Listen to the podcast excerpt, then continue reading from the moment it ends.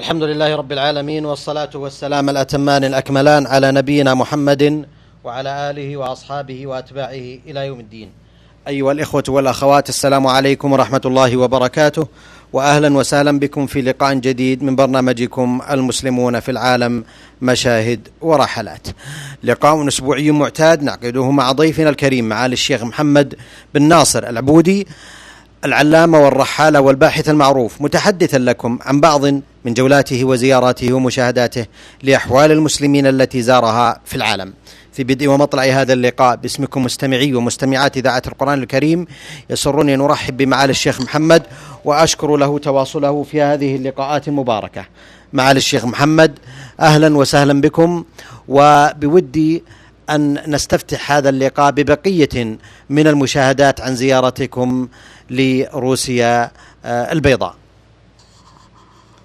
بسم الله الرحمن الرحيم. الحمد لله رب العالمين وصلى الله وسلم وبارك على عبده ورسوله نبينا محمد وعلى آله وأصحابه أجمعين.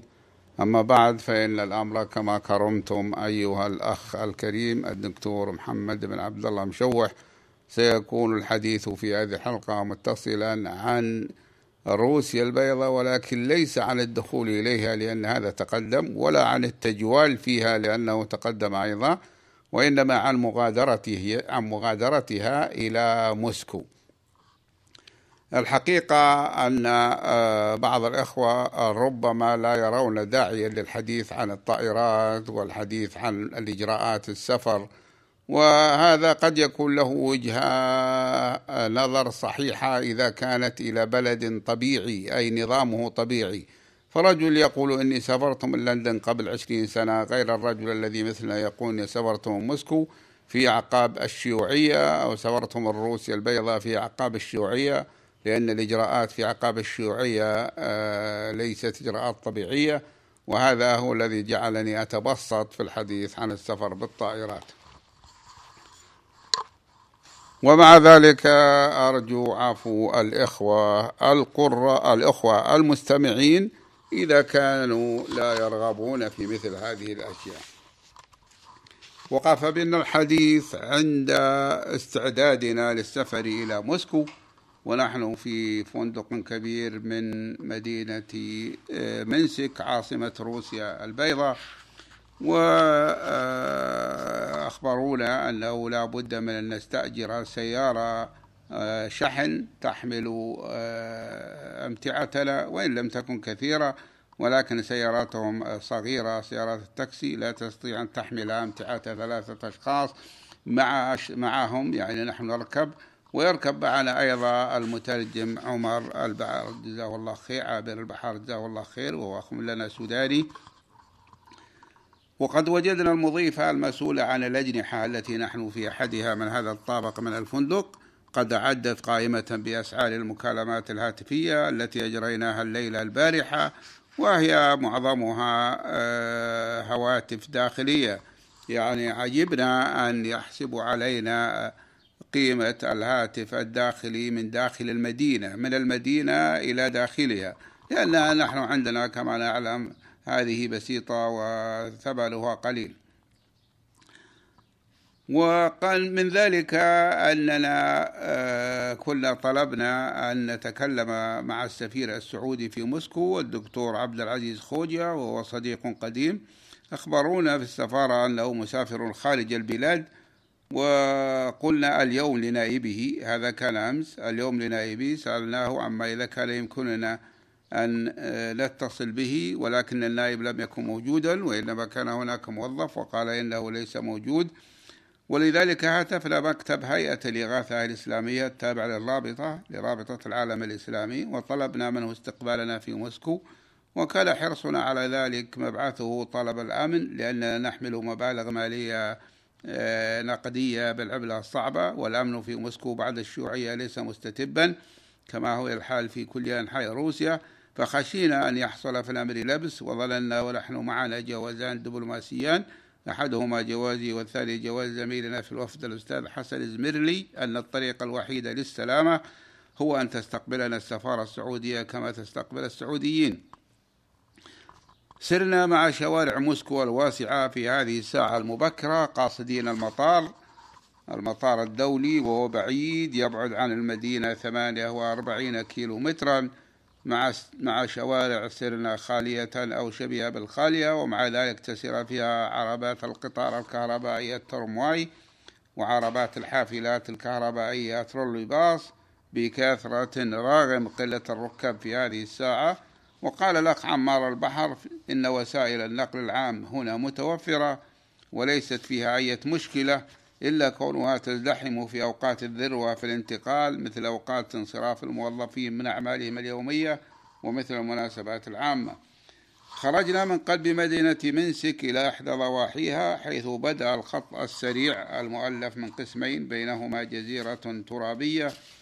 أحد القسمين للذاهب والآخر للآيب وقد أطل قرن الشمس في السابعة تماما.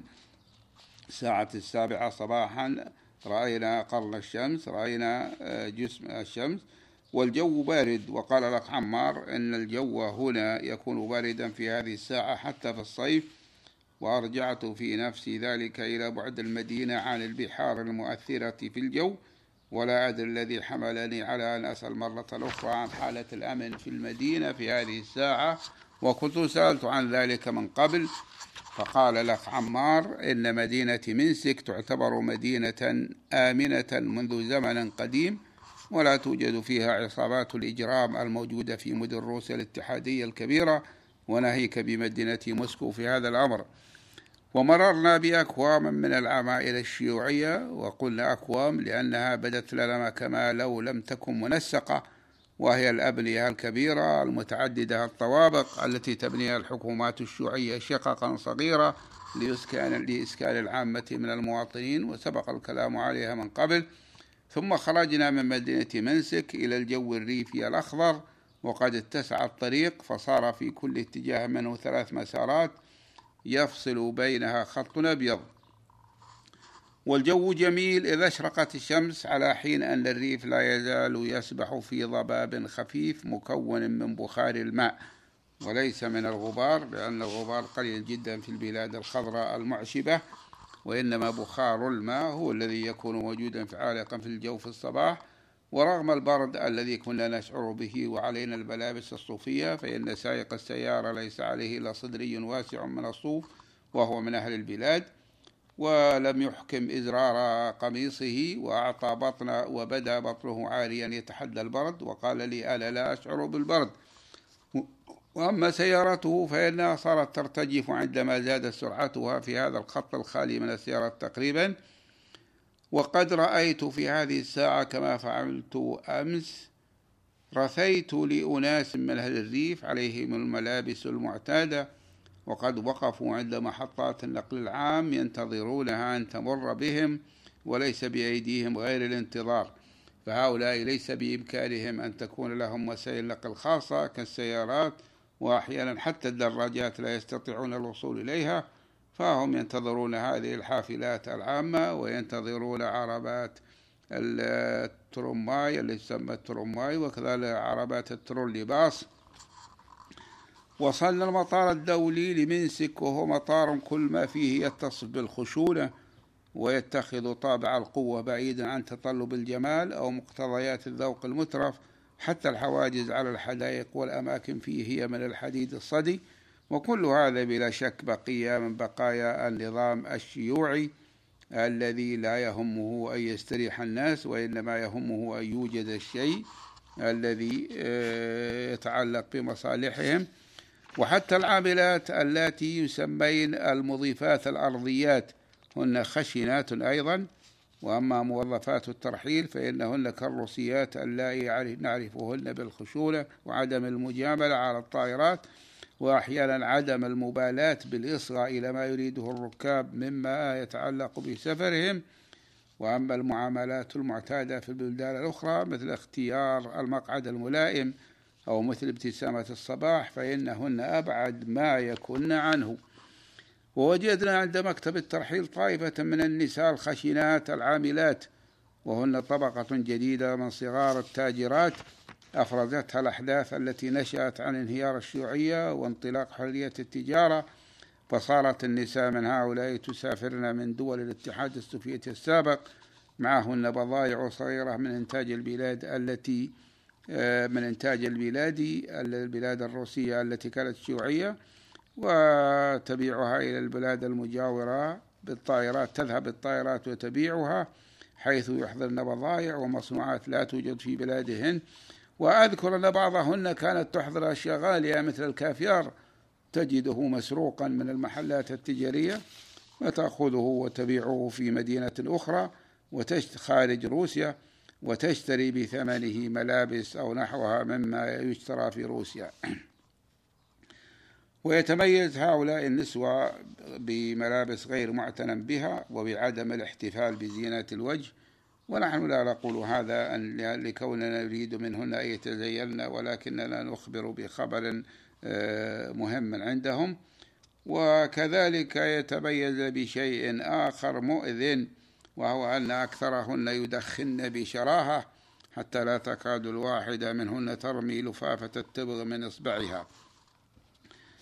ولكن هؤلاء التاجرات لن يذهب أحد منهن مع رحلتنا لأن رحلتنا ذاهبة إلى موسكو التي لا يوجد فيها ما يطلبنه من بضاعة ولا شك أن السبب فيما قلنا من مظاهر هي الشيوعية.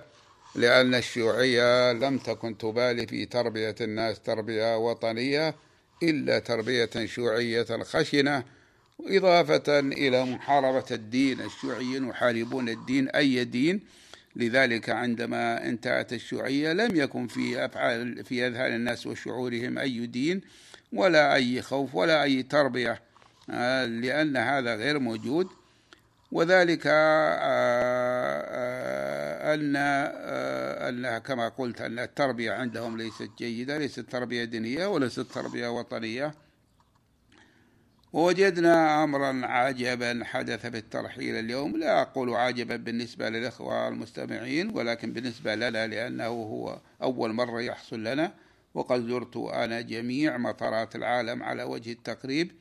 وذلك أن الموظفة وزنت حقائبنا وهي ثلاث ونحن ثلاثة فليس مع الواحد منا إلا حقيبة واحدة وذلك خلاف ما اعتدنا عليه في رحلاتنا السابقة في الاتحاد السوفيتي السابق حيث كنا نحمل هدايا كثيرة ثقيلة كنا نعاني من حملها وإنزالها فقد استبدلنا بها هذه المرة نقودا أمريكية سهلة الحمل لطيفة الحجم أخذنا نعطيها هدايا لإخواننا المسلمين القائمين بالعمل الإسلامي وهي ألطف وأفضل من الهدايا الكبيرة اللي كانت تشمل المصاحف والكتب والمطبوعات وتشمل أيضا آه، مقادير من التمر وتشمل أيضا أشياء ثقيلة.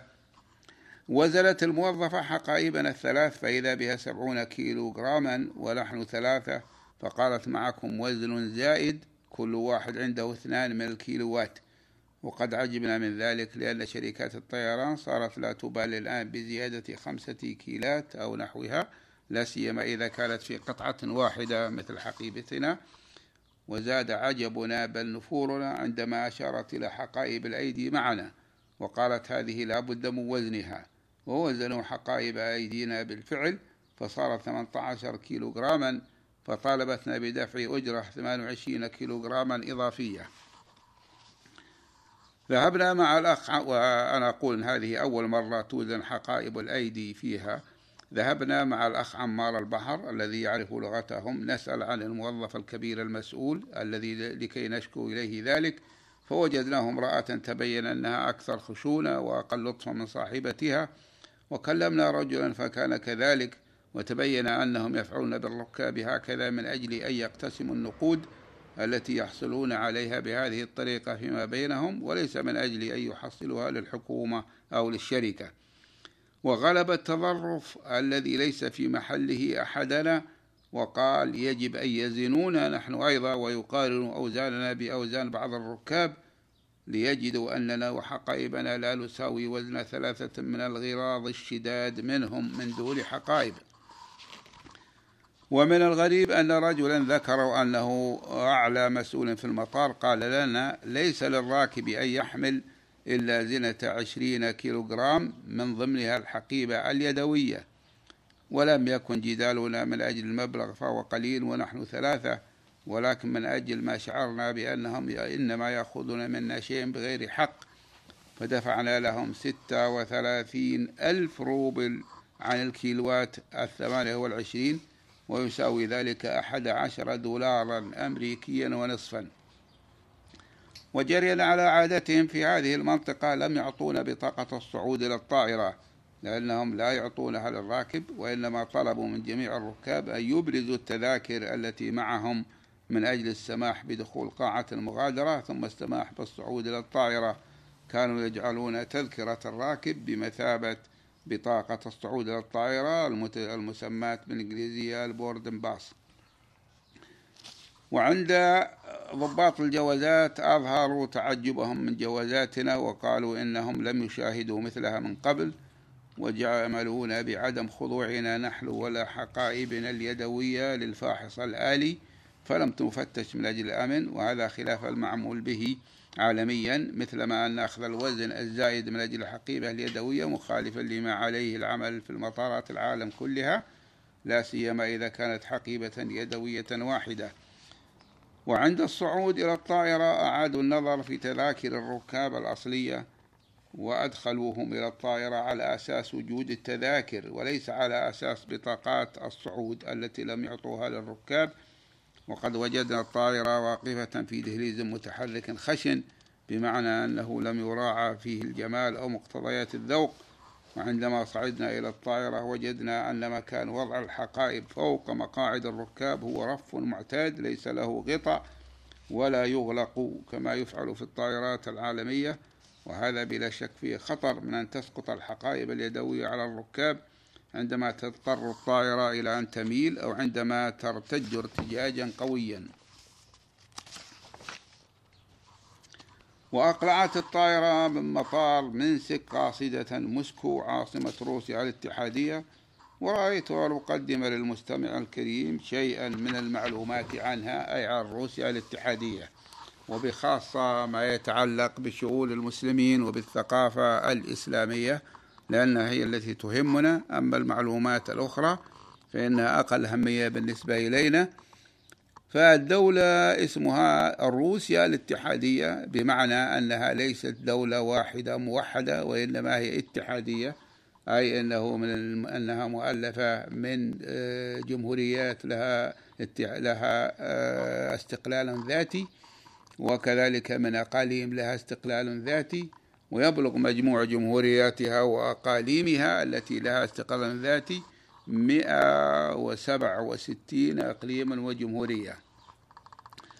ففي أقصى الجنوب الشرقي تجاور كوريا الشمالية يعني حدودها واسعة روسيا حتى تصل إلى أن تجاور حدود كوريا الشمالية من الجنوب الشرقي ومن الجنوب تجاور الصين ومنغوليا وقزاقستان وأذربيجان وجورجيا والبحر الأسود.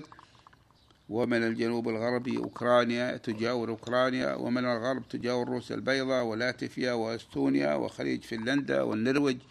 وتقع محافظة كالينغراد بين ليتوانيا وبولندا منفصلة عن أراضي روسيا الاتحادية عن طريق روسيا البيضاء. ومن الشمال تحدها بحر بارنج وبحر كارا وبحر لابتيف وبحر شرق سيبيريا وبحر تشيكس. ومن الشرق مضيد بيرينج وبحر اليابان. هذا يدل على أنها تشغل مساحة هائلة من الأرض والموضوع هائلة هذه كما أخذ ابتذل هذا اللفظ فأصبح الناس حتى لو رأوا قطعة من الخبز كبيرة قالوا هذه هائلة. الهائلة هو الذي يصيبك بالهول أي أنت آه، تعجب أو لا تكاد تصدق.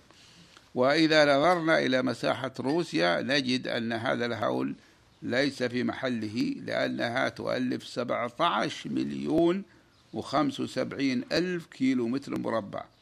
17 مليون كيلو متر و75 ألف كيلو متر مربع. أي ضعف مساحة بلادنا المملكة العربية السعودية نحو سبع مرات وناهيك بسعة بلادنا. ولا بد أن نتكلم بنبذة عن تاريخ البلد مختصر والوضع السياسي واتجاه البلاد نحو الإسلام والمسلمين. فنبدأ بدخول الإسلام إلى روسيا ونقول أصبح الإسلام الدين الرسمي في كامل أراضي دولة الأردة الذهبية وهي آه، إمبراطورية تسمى الأردة الذهبية بمعنى اسمها الرسمي آلتون أردة آلتون ذهب أو ذهبية وأردة معناها دولة أو جماعة كبيرة. كان أول هذه الدولة الكبيرة الذهبية يعني اللي اسمها ذهبية كان أولها إسلام محمد بركة خان السلطان محمد بركة خان حفيد جنكيز خان.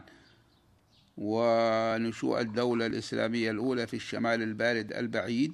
فهي نشأت هناك وعمت بلاد الشمال كله ابتداء يعني حتى أراضي روسيا كانت خاضعة لها. وسرعان ما أخذت إمارة بلغار الموجودة ضمن أقوام الأردة الذهبية التي هي الأردة تلعب دورا متقدما داخل الدولة حيث تكون تدريجيا أساس ما عرف بعد ذلك بالأمة المقبلة. التي ضمت البلغار والمغول الذين يتكلمون إحدى اللغات التركية القديمة ويدينون بالإسلام.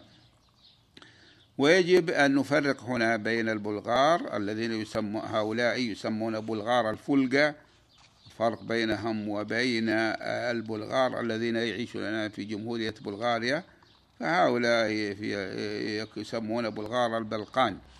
وخلال تفكك إمبراطورية الأردة الذهبية التي ألت الأردة إلى دول متفرقة صغيرة وكبيرة ولكنها متفرقة نشأت في مكان البلغار السابقة إمارة قازان التي كانت تتمتع بالأهمية الثقافية والإقتصادية الكبرى قياسا إلى الإمارات الإسلامية المتكونة الأخرى على أنقاض الأردة الذهبية والتي من أهمها إمارة سيبيريا الإسلامية الواسعة وإمارة إستراخان وإمارة النوغان وإمارة القرم وكان حكام موسكو حيث لم تكن روسيا تشمل إلا هذه المحافظة فقط أي محافظة موسكو وما كان عنها شمالا وبمدة ليست لمسافة ليست بعيدة لأن الشمال الأقصى لا عمارة فيه. وحاول الروس مدة طويلة خلال فترة زمنية طويلة ربما مئة سنة إضعاف الحكم الإسلامي في قازان حتى يتغلبوا عليه. ومما آه، ذكرته أنا فيما أظن أن آه، الكيناز المسمى في اللغة الروسية الكيناز وهو الحاكم الكبير حاكم موسكو وأكبر موظف عندهم في روسيا. لا يعتبر الروس أنفسهم لا يعتبرون أن تعيينه صحيحا إلا إذا سطر إلا إذا صدر به مرسوم من خان قازان الخان الملك. إذا أصدر ملك قازان مرسوما بأن هذا الرجل يكون حاكما كناز أي حاكما لموسكو. فإن الروس يسمعون ويطيعون لأنهم يعتمدون ويدبرهم المسلمون في قازان. هذا كان قبل أن تتفرق يتفرق المسلمون ويتحاربوا وتنشأ عنهم دول صغيرة مستقلة وأقاليم. بعضها تضطر أو ترى أنها تضطر إلى اللجوء إلى روسيا التي كانت آه، تقضي عليها. وفي هذه الأثناء كانت روسيا أيضا تتجمع وتتقوى. بخلاف المسلمين الذي كانوا يتفرقون ويضعفون. وكانت قازان تتمتع بالأهمية الثقافية والإقتصادية الكبرى ولذلك رأينا منها مؤلفين كبار عندنا بعض كتبهم وكتبهم مطبوعة في إقليم أورنبورغ في روسيا في جنوب روسيا الآن وبعضها مطبوع في البلدان العربية الكتب الصغيرة. ومن الإمارات المعروفة الكبيرة التي ذكرتها إمارة القرم وكذلك إمارة إستراخان وإمارة سيبيريا الإسلامية. سيبيريا كانت دولة إسلامية سمى سيبيريا الإسلامية ولكنها آه، قضى عليها الروس. وبعد حدوث عدة أزمات سياسية في قازان قامت قوات القيصر الروسي إيفان الرهيب بمهاجمة قازان وتم احتلال قازان والاستيلاء عليها ليضع الروس حدا لتاريخ وجود خانية قازان الإسلامية. أي وجود مملكة قازان الإسلامية التي كانت تسيطر عليهم. وأثنى هذا الهجوم وبعده تم تدمير قازان عمليا وتفريق سكانها من المسلمين أو تهجيرهم من المدينة. وحضر عليهم فيما بعد الرجوع والإقامة فيها. حيث حددت المسافة التي يمكن أن يقيم فيها التتار العائدون إلى إلى بيوتهم بعشرين كيلو متر بعيدا عن المدينة. ولا يجوز لهم أن يقتربوا من مدينة قزان مدينتهم أكثر من عشرين كيلو مترا واستمر الوضع كذلك لغاية أواسط القرن الثامن عشر ولم يسمع ولا إلى غاية القرن الثامن عشر ولم يسمح للتتار وهم بقايا راعي الدولة راعي الدولة المسلمة بالرجوع إلى قازان إلا في عهد الإمبراطورة الروسية إيكاترينا الثانية وتحديدا في الأعوام 1766 إلى أعوام 1770 بقيت قازان بعد ذلك محافظة روسية مع أنها كانت عاصمة الدولة الإسلامية الكبيرة لغاية عام 1922 عندما تولى الشيوعيون الحكم بعد الثورة البلشفية حيث منحت قازان حيث منحت قازان والمدن المجاورة لها اسم جمهورية تتارستان وحصلت على الحكم الذاتي إلى يومنا الحاضر إلى وقتنا الحاضر. فالشيوعيون أرادوا أن يغازلوا قوميات القوميات العظيمة الموجودة في داخل روسيا. فجعلوا لكل قومية اسم دولة لها حكم ذاتي داخل روسيا الاتحادية. ومن أبرز وأهم ما جرى خلال حكم الأردة الذهبية التي تسمى ألتون أردة تأسيس موسكو كعاصمة للدولة الروسية. فقد أشار كرامزمين وهو كاتب روسي مشهور إلى أن موسكو مدينة بعظمتها للخان المسلم الذي كانت تتبعه أيام سلطة الأردة الذهبية عليها. يعني بمعنى أن الروس استوحوا الإنشاء عاصمتهم موسكو من آه، الناحية الإدارية استوحوها من العاصمة الإسلامية قازان غير البعيدة عنهم التي يحكمها خان أي ملك مسلم. وفي نهاية القرن الخامس عشر تم عقد اتفاقية دفاع مشتركة بين روسيا القيصرية وشبه جزيرة القرم ومع أن هذه الاتفاقية كانت ذات أهمية كبرى إلا أن روسيا القيصرية قامت بعدة محاولات لاحتلال جنوب القرم. القرم معروف أنه في منطقة في جانب بلاد القوقاز جبال القوقاز ففي سنة 1552 سقوط إمارة قازان وفي سنة 1556 أي بعد ذلك بأربع سنين سقطت إمارة إستراخان وهما إمارتان إسلاميتان. وقد زرتهما معا وذكرت تفصيلا أحوالهما في كل في كتابين كل واحد منفصل من الآخر. لذلك كان سقوط إمارة القرم أمرا متوقعا. وفي هذه الفترة نشطت روسيا في محاصرة القرم ووصلت قواتها إلى جنوب أوكرانيا وبدأت في عدوانها على أراضي القرم عام 1678 حيث قامت روسيا بالضغط على الأتراك العثمانيين. لإجبارهم على التخلي عن القرم وكانت القرم في تلك المرحلة تابعة للخلافة العثمانية في إسطنبول.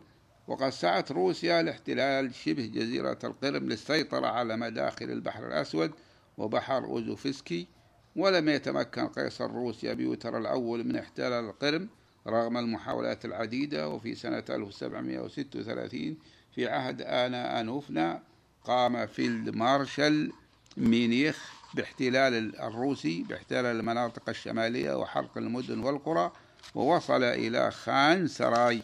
خان سران هاي هذه هي أيضا كانت بلاد إسلامية كانت عاصمة آه، دولة إسلامية وقام بحرقها وحرق قصور الخانات يعني الملوك والمكتبات والكتب والوثائق والإرشيف الذي كان رمزا تاريخيا للشعب التتاري. ونعود ونكرر أن التتار هم رعايا الدولة المسلمة في الشمال البعيد في ذلك الوقت. وفي سنة 1737 قامت الجيوش الروسية مرة أخرى بقيادة المارشال لاسي بمطاردة التتار في السهول والجبال وكذلك تدمير القرى والمدن للضغط عليهم. وفي يونيو عام 1774 تنازلت تركيا عن القرم الواقعة في جانب القوقاز لروسيا حسب الاتفاق الموقع بينهما.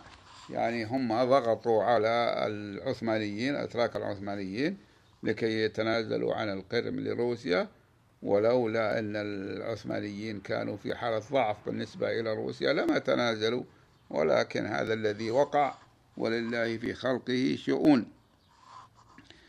بعدها قامت السلطات الروسية بمصادرة الأراضي من التتار وأغلبهم أعطوا جوازات الهجرة يعني من أراد يهاجر يشجعونه أن يذهب. وأما التتار الذين لم تنلهم يد التهجير الروسية فقاموا باستئجار أراضيهم من الروس إلا أن الروس لجهلهم بالظروف الطبيعية للقرم أصابهم الفقر وعادوا إلى روسيا. الشيء الذي جعل الروس مجبورين على إبقاء التتار في بعض المناطق لفلاحة الأرض. ولكن من غير حق التعبير أو الرأي أو ممارسة أي شعائر أو عادات. وعلى الرغم من أن السلطات الروسية عملت وبجدية على القضاء على الحياة الدينية الإسلامية وطمس معالم الثقافة التتارية في القرب إلا أن الشيوخ والقضاة والمعلمين واصلوا مسيرة التعليم رغم أن ذلك كان يشكل خطورة كبيرة على حياتهم وكثير منهم تعرضوا للإبعاد إلى سيبيريا بسبب نشاطهم في مجال التعليم. آه، الضغوط المتواصلة من جانب السلطات الروسية في ذلك الزمان على التتار واتهامهم بالتواطؤ والعمالة لصالح تركيا إضافة إلى ما لحق بهم من خراب ونهب من جانب اللصوص وقطع الطرق يعني من غير الدولة جعل التتار الباقين يلجؤون إلى الهجرة الجماعية وإلى مغادرة أراضي القرم وهذا جاء متمشيا مع السياسة الروسية التي نشطت في هذه الفترة وقامت بتشجيع الروس وتقديم المساعدات لهم للسكن والاستقرار في القرم مع استمرار السلطات الروسية في سياستها المناوئة للتتار عبر الجرائد القيصرية التي ظلت تصف التتار بالجهل والتخلف والكسل والعمالة لجهات أجنبية.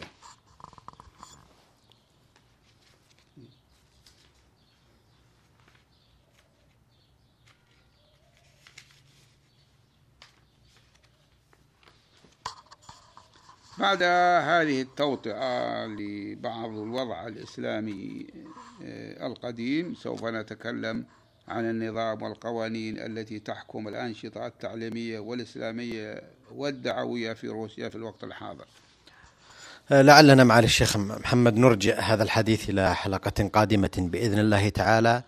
أستاذنكم أيها الإخوة والأخوات وأقطع عليكم استمتاعكم مع حديث ضيفنا الكريم معالي الشيخ محمد بن ناصر العبودي الرحالة والداعية المعروف متحدثا لكم عن بعض من جولاته وزياراته ومشاهداته الأحوال المسلمين في العالم والتي كانت في نهاية هذه الحلقة بدءا من جمهورية روسيا آه، الاتحادية.